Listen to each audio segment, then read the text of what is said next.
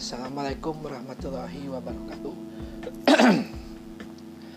uh, halo, selamat datang kembali di podcast cerita suka-suka, podcastnya Gilang. Nah hari ini saya mau cerita tentang pandangan pribadi saya terhadap sekolah online lah ya. Jadi beberapa waktu yang lalu di Twitter ngeliat ada orang tua yang protes di grup WhatsApp anaknya. Jadi protes ke guru tentang keberatan gitu. Keberatan dengan tugas-tugas yang dikasih. Jadi uh, gurunya tuh ngasih LKS berapa lembar lima halaman kalau nggak salah ditambah lagi tugasnya ada di buku paket gitu. Jadi orang tuanya protes ngerasa bahwa ini tugasnya kebanyakan gitu. Kalau misalkan mau LKS LKS aja gitu. Buku paket buku paket aja nggak usah dua-duanya. Dan sebenarnya beritanya bisa kalian cek sendiri ya di internet ada. Di internet juga ada. Nah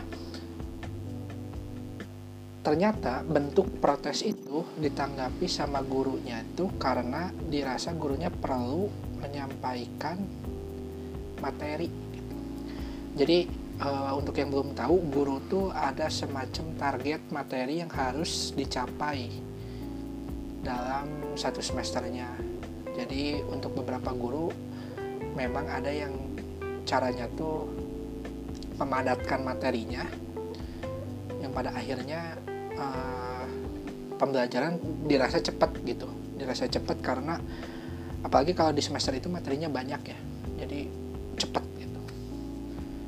Nah ada orang tua yang protes ngerasa ini teh nggak wajar ditanggepin yang berujung pada akhirnya teh si orang tuanya dikik oleh guru tersebut. Oke uh, saya nggak akan banyak bahas tentang kejadian itu. Cuman yang jadi menariknya adalah sebenarnya pola pengajaran atau cara mengajar kayak gitu tuh gak hanya waktu online gitu. Tapi ketika offline pun ada. Saya pernah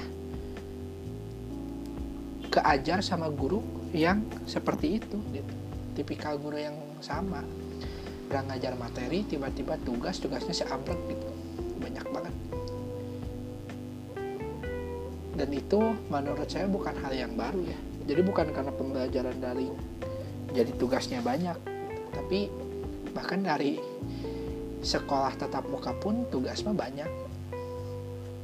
Satu itu. Kedua dalam kasus-kasus lain mungkin banyak juga yang protes gitu ya bahwa di sekolah online gak diajarin cuman dikasih tugas doang belum dikasih materinya kitanya suruh belajar sendiri.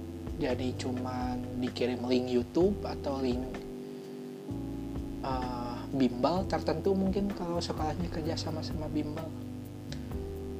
Nah sebenarnya di offline juga ada gitu yang kayak gitu mah. Kalau saya ingat-ingat ada tipikal guru yang datang duduk cuman ya kerjakan LKS halaman segini segini segini tek udah. Ya udah gitu. Beres sudah beres sudah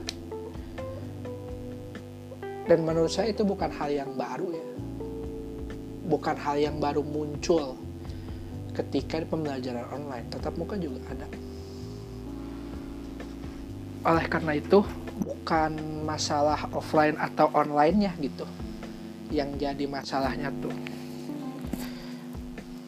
tapi emang dari sistem pembelajarannya dari proses belajarnya. Kalau menurut saya online itu hanya mengebuat uh, keburukan-keburukan atau uh, ya keburukan-keburukan itu teh kelihatan nyata. Tentang tugasnya terlalu banyak jarang dikasih materi dan lain-lain karena online atau offline mah itu hanya sebuah media ya kalau menurut saya. Cuman sebuah cara alternatif yang dilakukan karena masa pandemi ini kayak mau mau nggak mau emang emang harus online. Terus kenapa uh, sekolah tatap muka dirasa lebih menyenangkan? Karena kondisi-kondisi yang tadi saya sebutkan misalkan misalkan contoh gini ada guru yang ya oknum lah.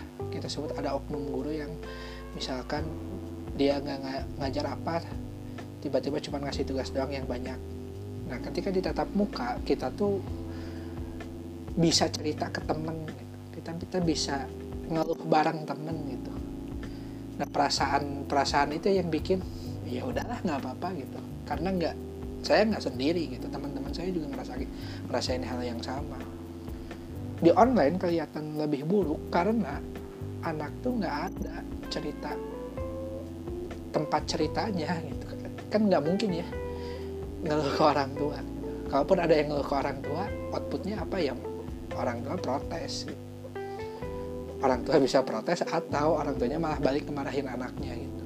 Jadi perasaan dia dia merasa dia sendiri gitu merasakan itu. Sedangkan kalau misalkan tatap muka ketika dia cerita ke teman oh heehnya emang kieu tengenahan dan lain-lain ya ada perasaan itu gitu.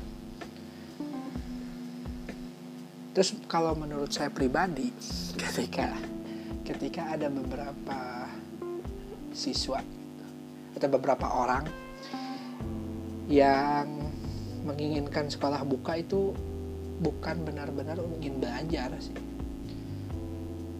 tapi emang pengen ketemu teman-teman. Pengen ngerasain lagi eskul misalnya sekolah lapangan gitu ya yang yang main lah.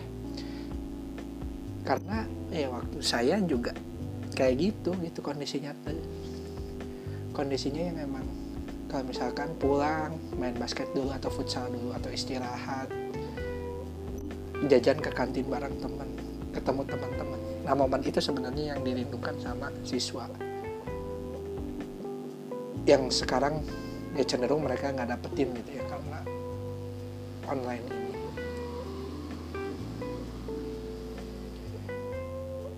Jadi sebenarnya itu gitu. Kalau menurut saya pembelajaran online ini hanya ngebuat atau hanya menunjukkan bahwa ada sistem atau cara mengajar yang perlu diperbaiki gitu. Bukan sesuatu yang baru muncul, tapi udah lama, cuman baru kelihatan jelasnya di online ini. Nah, karena saya tidak mau panjang-panjang pembahasannya, takutnya saya kena kasus.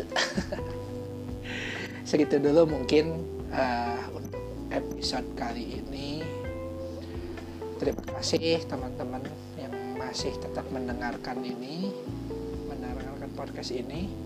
Sampai ketemu di episode selanjutnya. Respect